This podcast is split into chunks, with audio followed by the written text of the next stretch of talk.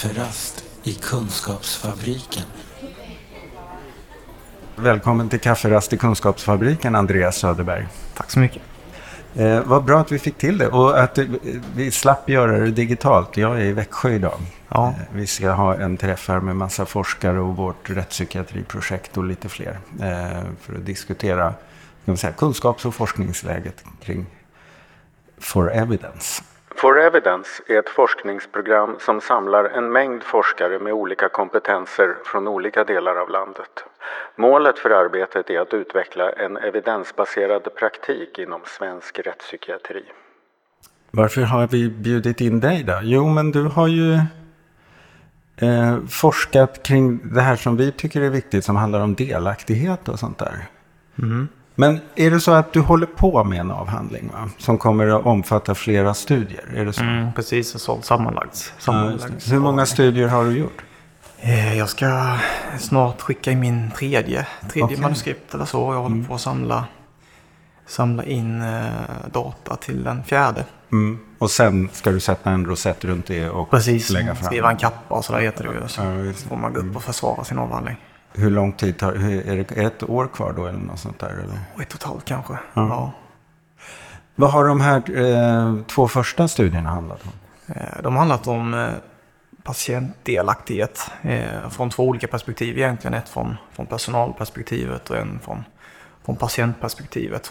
Båda har jag sådana fenomenologiska studier så man, man utgår liksom från, den, från den levda verkligheten eller levda erfarenheten kan man ju säga. Man sätter sig och pratar med folk om hur, hur har du känt kring det här? Så en väldigt enkel och ren typ av, av forskning. Att, precis, man sätter sig bara ner och du, kan du berätta för mig om eh, någon gång när du har upplevt patientdelaktighet i, i, din, i din vård. Ja, och sen just så tar man det bara från, från, från där så att säga. och just att se vad, som, vad får vi att jobba med Ja, då? precis. Så jag delar liksom inte ut någon information innan att det här är det du ska svara på. Det är inga, inga, inget frågebatteri på det sättet. Utan Det är ju egentligen, femologi är ju en sån här... Eh, när man arbetar femologiskt så, så har ju det en ganska eh, liksom, djup filosofisk grund. Liksom, eller så. Ett sätt att se på, på kunskap.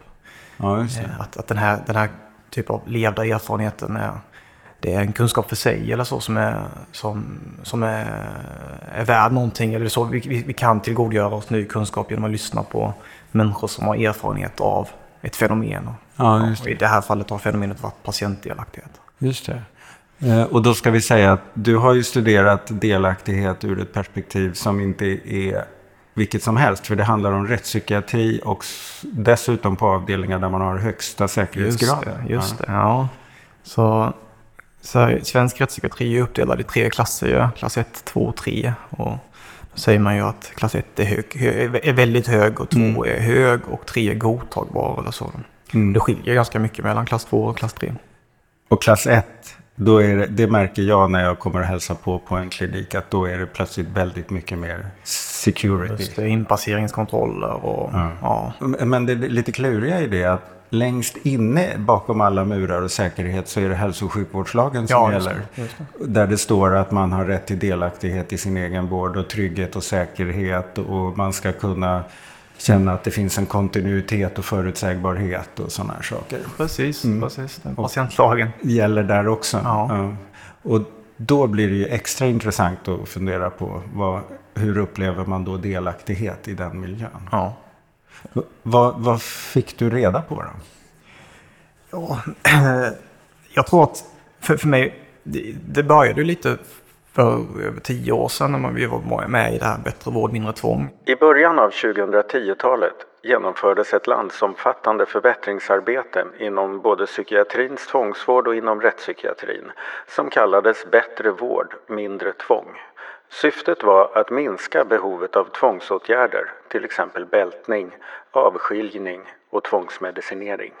Då frågade vi alltid patienterna eh, om saker som har med vårdkvalitet att göra och då, som delaktighet eller bemötande. Och, eh, delaktighet var ju en sån här svår puck att, att svara på.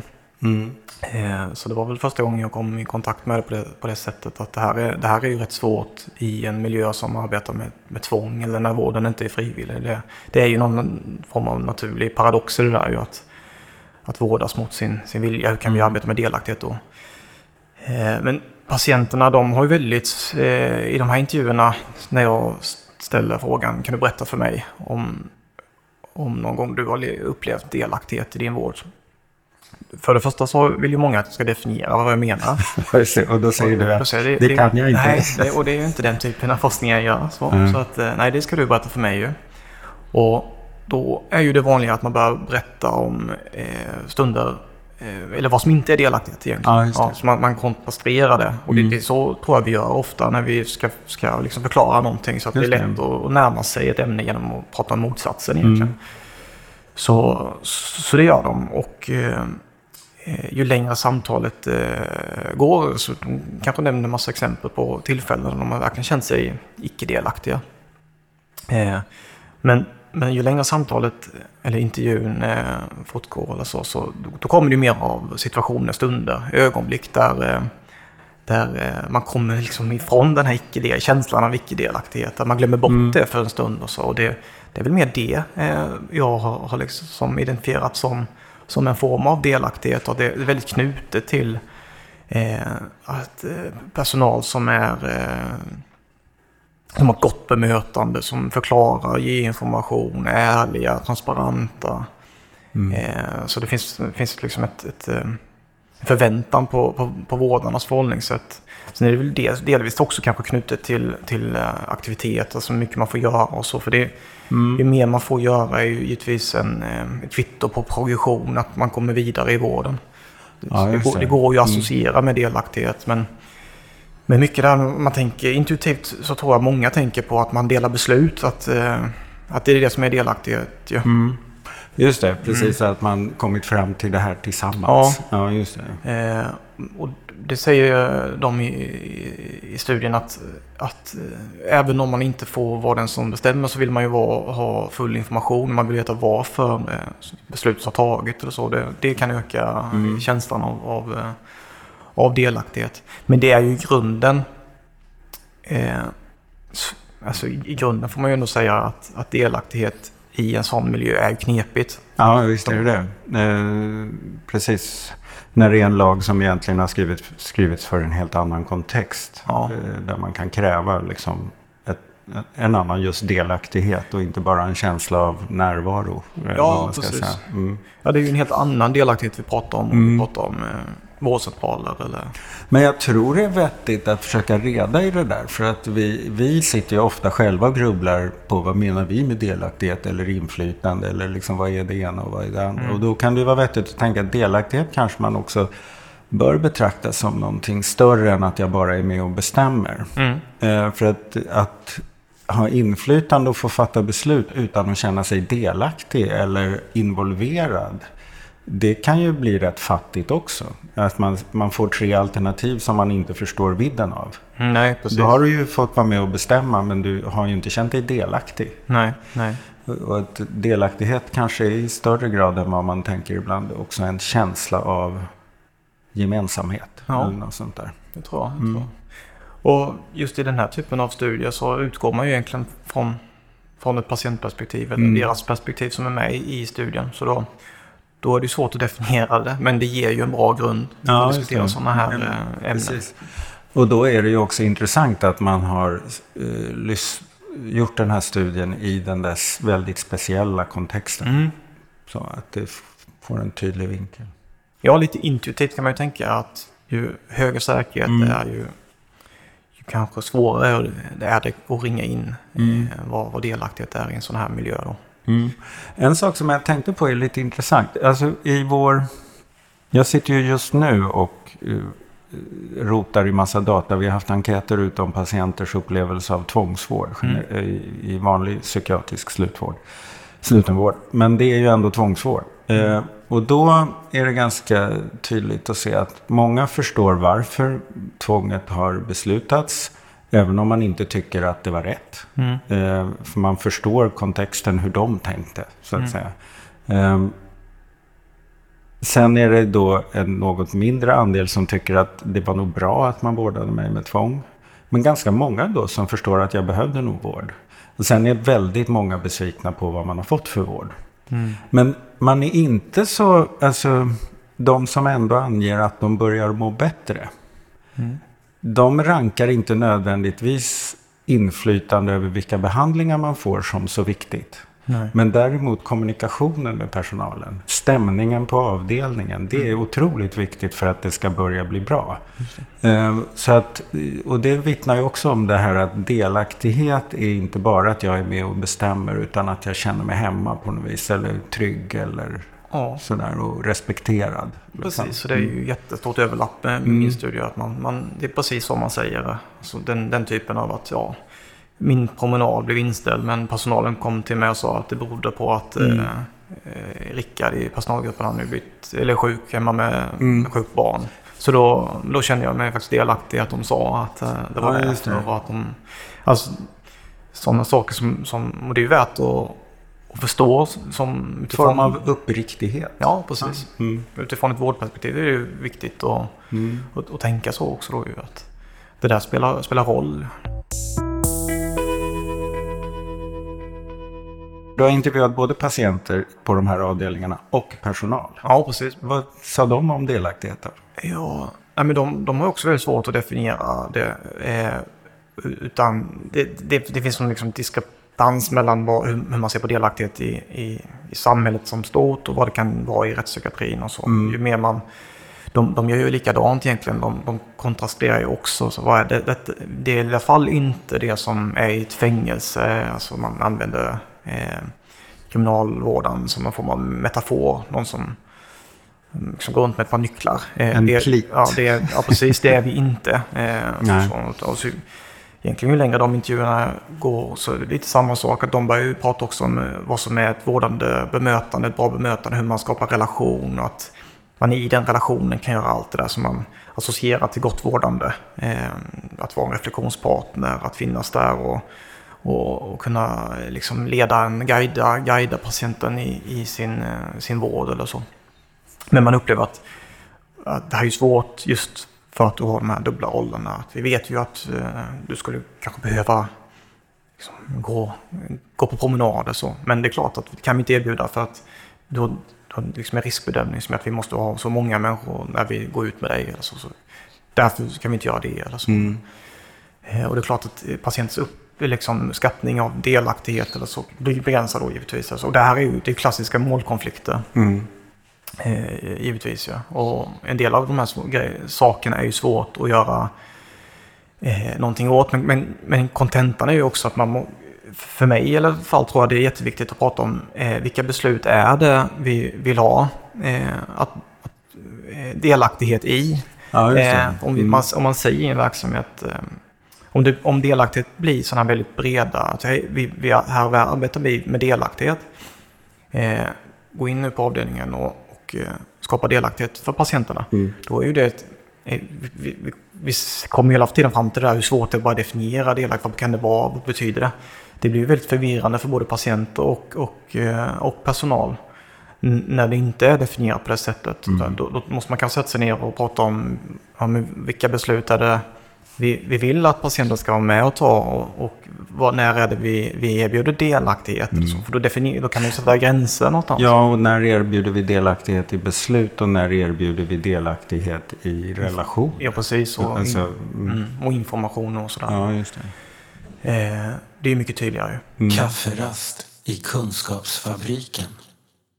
Allt det vi egentligen lägger i begreppet en, en god vårdande relation eller så, Mm. gott bemötande. Och det blir väl så med sådana här begrepp som delaktighet att de, de tenderar ju att bli lite av ett paraplybegrepp. För det vi egentligen, när vi, när vi egentligen säger vad är god vård, då Ja. säger vi egentligen att det är samma sak då. Eh, och det, det är väl också ett, eh, kanske ett problem med den typen av, av eh, begrepp. Att Ja. de tenderar att, att, bli, eh, att bli så himla stora de- och väldigt kontextberoende. Ja, just det. Vi kanske skulle sluta använda dem så flitigt och hitta mer precisa begrepp för olika företeelser av delaktighetsmolnet. Ja. Du hamnar ju i ett problem om, om vi säger att äh, du ska svara på en enkät om delaktighet och så säger du att ja, jag, jag Mm. känner en två av tio här. Så varför det? Du, Vi har ju Vi har ju delaktighetsmöten och du har ju fått... Liksom, Bestämma vilken mat du ska ha till frukost. Ja, Mm. och man målar ju om här på avdelningen utifrån. Mm. Eh, Så, men det är inte säkert att patienten eh, det- liksom, definierar det som delaktighet. Och, och därmed, om man, då, kan man ju inte instruera dem, du ska, du ska svara på de här bitarna. inte på det du tänker. Alltså. Nej, just det. Nej, precis. där, därför är ju de här olika perspektiven är viktiga. Patientperspektivet är ju alltid, alltså den här typen av studier bidrar ju alltid med, med en, en typ av kunskap i alla fall tycker jag som är intressant. Ju. Ja, och vi kommer kanske in då lite på din studie som du håller på med. Som jag har fått tjuvläsa Ja. utkast på här. Eh, som, eh, först när jag började läsa det så tänkte jag så här, jaha, men har han bytt spår här? Men sen så ju mer jag läste så insåg jag, men det här handlar ju om det här med delaktighet också. För du har gjort en studie, ja, av vad då? Ja, om hur patienterna upplever att få vår- vården prövad i förvaltningsrätten då. Eh, Det är ju så att när man är, man är dömd till rättspsykiatri så, så måste ju vården förlängas hela tiden då, var sjätte månad. Vilket den ju då oftast gör också. Ja. Mm. Så är det och eh, det har ni ju pratat om i andra avsnitt. Om Just det, vi hade framförallt Susanna Radovic eh, som pratade om hur man använder begreppet sjukdomsinsikt i de muntliga förhandlingarna i förvaltningsrätten. Just det. Ehm, och, och det är alltså, om jag förstått det rätt, så har det gjorts flera studier kring hur förvaltningsrätten fungerar. Men man har aldrig just gjort en patientundersökning. Nej, Jag har inte hittat någon sån, Nej. inte i Sverige i alla fall, eh, som inte, inte någon fenomenologisk studie som på, på sånt här sätt fångar in hela helhetsupplevelsen. Så. Nej. Jag har ju dessutom gjort en, eh, och det är ju också väldigt speciellt för den svenska kontexten, att vi har det här tillägget till eh, rättspsykiatrisk vård som vi kallar särskild utskrivningsprövning. Mm. Och, Som nästan alla patienter har. ja, 75 procent i alla fall. För de cirka tre fjärdedelar av rättspsykiatrins patienter som dömts till särskild utskrivningsprövning ska förvaltningsrätten inte bara göra en bedömning av patientens hälsotillstånd utan också om det finns en risk för att patienten återfaller i allvarlig brottslighet. I sin studie har Andreas enbart intervjuat patienter som dömts just till det. Patienter som alltså regelbundet förhandlar med förvaltningsrätten både om sitt vårdbehov och om sin potentiella farlighet. Så det jag har gjort här är ju att intervjua 20 stycken patienter i olika rättspsykiatrier. Ehm, i, eh, ja, på tio olika avdelningar tror jag det blev till slut. Eh, om, ja, jag har ju egentligen satt mig ner och frågat kan du berätta om förra gången du var med i förvaltningsrätten? Och, och så bett dem förklara hur, hur de upplevt den processen. Och, och ja, bara gett, gett, försökt ge, så, ge mig dina erfarenheter av detta då. Vad berättade de här om?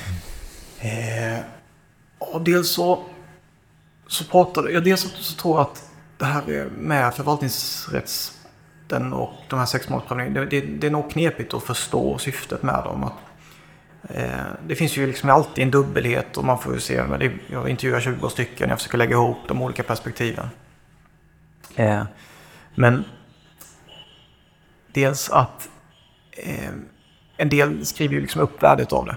Eh, man tänker att... Ja, Man, man fäster mycket värde vid och tänker att nu kan det... Ja, precis. Man tänker att det här, spelar, det här, här är, det här kommer spela stor roll. Man tänker på det kanske lite som en tingsrättsförhandling. Eller så att, eh, Här ska jag kunna få hävda min rätt och beskriva min del av kakan. ja, det. precis. Eh, eh, Men att, att eh, samtidigt så, så upplever man det som eh, det är totalt meningslöst och dit egentligen om läkaren har ansökt om, om förlängd vård. Då finns det ingen... Det är mer en formalitet. Det, det, tar, det är kort tid, det går fort. Eh, eh, Man pratar om att eh, nya patienter i rättspsykiatrin att de eh, förstår inte det från första början utan att de... de, De har den här lite överdrivna förhoppningen Ja. på att det här kan vara bra för mig. Ja, nu- liksom, nu kommer här jag är en arena där jag kan förklara min sida. Nu kommer jag bli utskriven och sådär då. Eh, men att man, man tycker då att förvaltningsrätten, det är mer att de legit- legitimerar eh, vården liksom.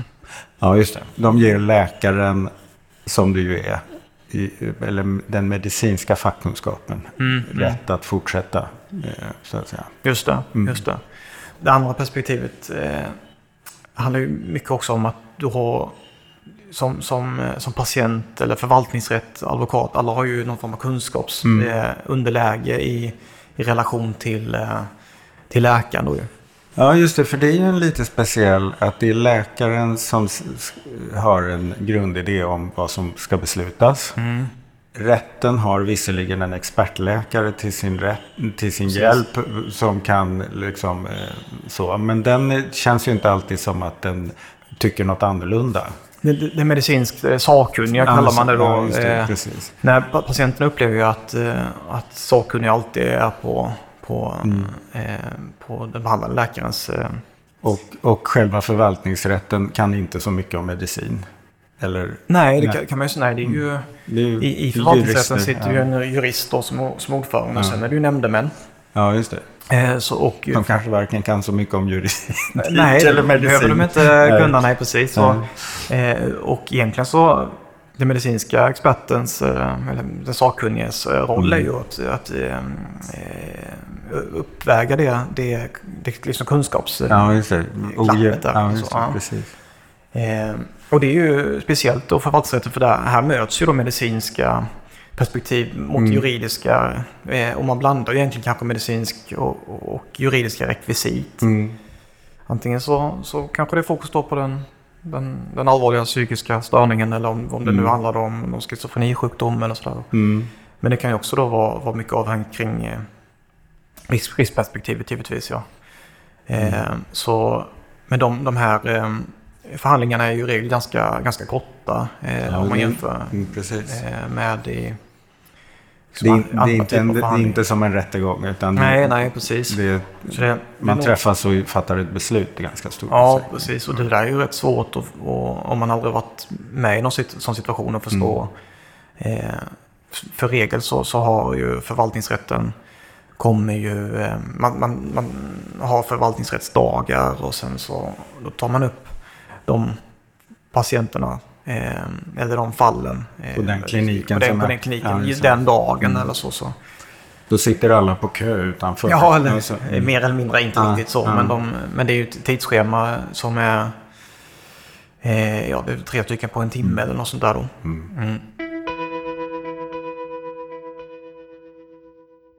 Nej, och, och sen, sen handlar det ju om att eh, också att, att just att det är ens person som diskuteras. Att det inte är brottet då som till skillnad från en... Ja, en, just en, en, I en rättegång så handlar det ju om vad brottet har varit. Ja, just det. Nu handlar det om vem jag är. Ja, och, och eh, jag och hur farlig jag är och hur farlig jag är i fel miljöer och, Mm. och sådär. Och det, Och hur oförmögen jag är att ta ansvar för mig. mm, precis. Och och det där är ju ett mycket mer existentiellt perspektiv som är jobbigt och framförallt om man inte håller med men, men också Mm. jobbigt och, och, eh, och bara förlikas med också ju att eh, här är jag, här pra- pratar man om mig på, på, det, här, på det här sättet. Man och, kan förstå att patienter i efterhand säger att jag kände mig väldigt liten i den Ja, här förhandlingen. Mm. Och vad ska jag göra eh, för att komma ifrån nu? Jag måste hitta, liksom, kan jag hitta, vilken person kan förklara för mig vad jag egentligen behöver åstadkomma för att, jag, Mm.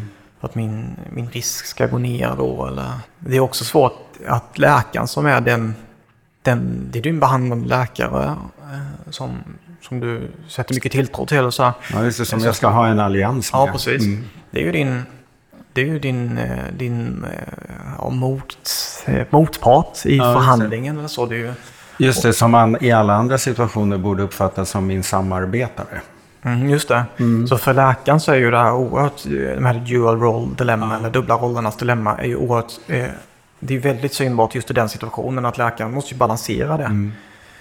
Eh, det finns ju studier på också, svenska studier om, eh, om det här med den här. Att Att det inte är så enkelt. Nej, precis. Och, och att man kanske har en terapeutisk hållning där inne i förvaltningsrätten. Att man, Mm. För att inte förstöra relationen eh, mer mellan läkare och, eh, och Just patient. Eller så. Det är studier om det. Men, men det är inte det perspektivet jag har valt alls. Utan jag har jättebrett. Så. Ja, just det. Ja, nej, men det, det finns ju där. Man kan ju föreställa sig eh, ur det perspektivet också. Ja. Att det inte är helt enkelt. I sin studie har Andreas alltså ringat in tre olika dimensioner för hur patienterna upplever mötet med förvaltningsrätten. 1. Att förhandlingen är en avgörande men meningslös formalitet. 2. Att det råder maktobalans mellan de som deltar i förhandlingen. 3. att förhandlingen skapar både existentiell förvirring för patienterna och osäkerhet om hur systemet verkligen fungerar. Men han har också noterat hur förvaltningsrättens roll och arbetssätt skapar utmaningar för all den personal som patienten träffar mest under sin tid i rättspsykiatrin men som i regel inte är med när patienten träffar förvaltningsrätten. Förvaltningsrättens roll är ju också svår för personalen att förstå och hantera. Mm. Och då, eh, för dem har ju den här dagliga kontakten med patienten och kanske odlar en relation och är uppriktiga om att den här promenaden var inställd och att man skapar det där. Och samtidigt så ska man liksom försöka peppa att liksom Fast fäst inte för stort hopp till förvaltningsrätten. Man skapar svårigheter för människorna i systemet att vara uppriktiga och att liksom skapa kontinuitet och relation på något ja, sätt. Ja, det är, det är ju på något sätt så är det väl... Det kan ju bli som att förvaltningsrätten ligger som ett parallellt spår vid sidan ja, av vården. Som till slut blir allas fiende. Ja, nej, men jag har också att patienterna upplever att personalen eh, de vet ju inte hur det är där inne. Eh, nej, just det, för så, de är ju inte med. Nej, de är inte där inne. Och, mm. och det finns en frustration då att eh, jag förstår inte och de, man förstår inte riktigt heller vad, hur det här fungerar, det här systemet. Ja, och läkaren beter sig konstigt på förvaltningsrätten och det förstår kanske inte patienten att det är också både för att bevara en allians men vara tydlig kring vad man tycker om en säkerhetsaspekt till exempel. Ja, så blir ju det också väldigt dubbla budskap gissar jag. Ja, ja kanske på grund av de här dubbla rollerna. Ja, så det. Det, även om läkaren gör vad den kan för att vara tydlig och sådär. Och... När man tappar tilliten till logiken i systemet. Mm. Då blir det ju omöjligt att känna delaktighet på något vis. För att de säger en sak och dessutom så verkar ju den här personalen jag träffar på dagarna inte heller riktigt förstå logiken. Mm. Och så träffar jag läkaren och vi jobbar bra och sen så sitter vi där och då blir det konstigt och sen så kommer jag där och då sitter de och bedömer mig trots att jag tycker jag har gjort framsteg. Så att då hjälper det ju kanske till slut inte vad någon gör för att jag ska känna mig delaktig mm. eller att jag känner mig respekterad eller att det finns en uppriktighet. Utan allt blir någon slags skuggspel. Ja, att man, men att, att man liksom blir lite vilse i systemet mm. och sen försöker man hitta någon som kan förklara systemet. Och det här är ju det är så pass komplext system. Så, så att det jag, finns ju nästan ingen som kan det. Eh, nej, men, ja, men jag, jag, tror också att det, det är svårt för kanske... Eh, kanske svårt att hitta, hitta personal som fullt, fullt mm. förstår det och, och, kan förklara det på det sättet. Mm. Och, så. och sen... Eh, det är ju ett, det är ett, eh, det är ett system som, som kräver en del också av en för att kunna förstå det. Så, men en, ett typiskt fenomen kanske är att man, man tycker det är konstigt att jag har ju inte någon allvarlig psykisk störning längre. Mm. Varför ska jag vara kvar? Alltså, Just det. Det, ja. det är den... ja, och då kommer du tillbaka till om du har särskild utskrivningsprövning. Mm. Knutet till. Och då funkar det så här? Ja, och då är det farligt. Och, så här. och det, mm. det här är ju... Eh, Nej, men det, och sen att det skiljer då om, om du har vanligt LAV. Ja. Så. Nej, det... Ja, just det. Den som har rummet bredvid mig har en helt annan procedur. Mm. Um, men jag tänker också, du, du, är inne lite på det tror jag, att det här att, liksom att man behöver, för att hantera det här som då kan skapa mm, liksom, desillusionerade både patienter och personal eventuellt om man har otur. Så behöver man ju liksom adressera det. Säga att mm. vi behöver jobba med den här frustrationen. Vi behöver peppa vår personal att våga ta hand om patienternas frustration kring det här. Och mm. hjälpa personalen att ha en hållning i hur man bemöter den här typen av sorg eller frustration hos patienterna. För att om vi inte möter den, då blir den ju bara förmodligen negativ. Ja, jag tror man, om man inte diskuterar sådana frågor mm. så tror jag att det kan ju leda liksom till bara en... en, en eh, om vi skulle ta och, och, tänka i termer av god vård och mm. patientdelaktighet eller vad, vilka begrepp vi nu eh, använder, alltså så, vårdkvalitet. Eh, om, man, om man inte tar upp den här typen av ämnen och hur svårt det är och får, får forum att diskutera detta i, då tror jag att att då är det svårt att åstadkomma patientdelaktighet. Eh, ja, just det, för då blir den ju bara... Den har ju väldigt svårt att bli uppriktig. Då. Mm, mm. Mm. Så jag tror att en sån här studie, vad den bidrar till, det är ju att, att visa på att den här, eh, den här typen av sexmånadersprövning och förhandlingar, den är ju komplex. Och att bara av att veta om att, att det faktiskt är så, så tror jag att vården kan göra mycket mer för att göra, göra den här delen av eh, vården mer begriplig, att man har insett det för, liksom, för och det är på alla, alla plan då ju. Eh, Ja. Så att man, detta faktiskt är någonting som man adresserar som du säger då. Sen tror jag att man inte ska underskatta då heller bara eh, det här värdet av att även om det här är, är, svårt, det är jättesvårt och det är filosofiska frågor ju. Om, om vi nu skulle ta ett större sammanhang. Eh, som, som inte bara handlar om att förklara juridiken. Om, du skulle, om vi ska sitta och prata om, men tycker inte du det är orättvist att jag är i rättspsykiatrin för det här brottet och har varit nu väldigt länge jämfört med den vi såg på tv alldeles nyss som har gjort de här brotten när han ska in i fängelse i mm. tre år. Han är ju mycket värre än mig eller farligare än mig eller så. Eh, och för den, den typen av frågor, de är ju, handlar ju, eh, det är ju mer om liksom, brott och straff. Eh, Moralfilosofiskt. Ja, moralfilosofiskt. Eh, politisk filosofi Ja, kanske till och med då ju. Ja. Och det är det också som är så speciellt med, med rättspsykiatri, att du, du är ju... Det liksom, det är Ja, just det, du är inte... i, den, I den större diskussionen om brott och straff så, så det är klart. Eh, och, det, och som vårdare så kanske det är svårt om du har massa personliga... o- Så du vill inte kanske prata om dina personliga åsikter kring brott och straff och sådär då. Eh, och den typen av diskussioner kanske det egentligen handlar om då. Det, det är ju att man, man upplever att man är i ett system som är orättvist. Mm.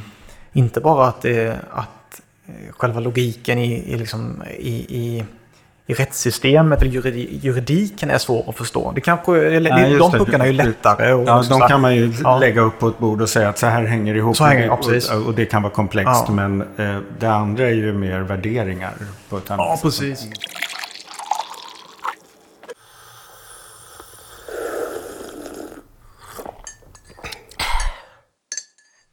Det säger ju många patienter också i den här studien att nej men, jag pratar inte så mycket om vad som händer där uppe eh, i förvaltningsrätten. Utan nej, jag brukar ta hand om det själv och ofta känner mig ledsen efteråt. Eller sådär.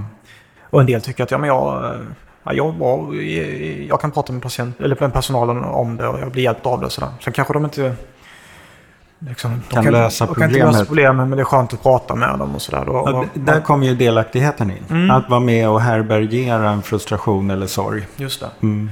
Och bara ha den här vårdande hållningen skulle Ja, innebära Ja, att, vi ändå, att vi hela Mm. tiden, att man får inte underskatta det liksom att, bara ha, eh, ha forum för att faktiskt prata om det här, följa upp efteråt, hur kändes det och kanske innan, nu, hur, vad tänker du nu innan, hur, Mm.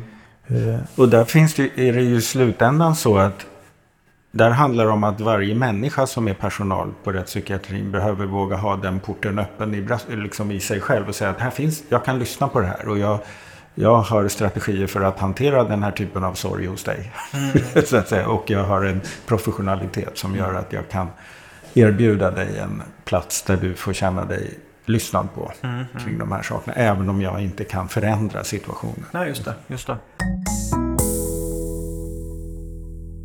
En sak som jag tycker är väldigt intressant med, med de här studierna du har gjort och framförallt när det kommer till en så här konkret eh, myndighetsmässig sak som förvaltningsrätten är ju att genom att studera patienterna så får man nycklar till förvaltningsrättens funktion på riktigt. Inte bara dess juridiska eller medicinska funktion utan faktiskt det är med den pusselbiten man kan förstå komplexiteten ordentligt. Eh, För om man bara tittar på läkarna och, och juristerna så förs- finns det ju förstås konfliktytor och, och motsägelsefullheter och sånt att hantera.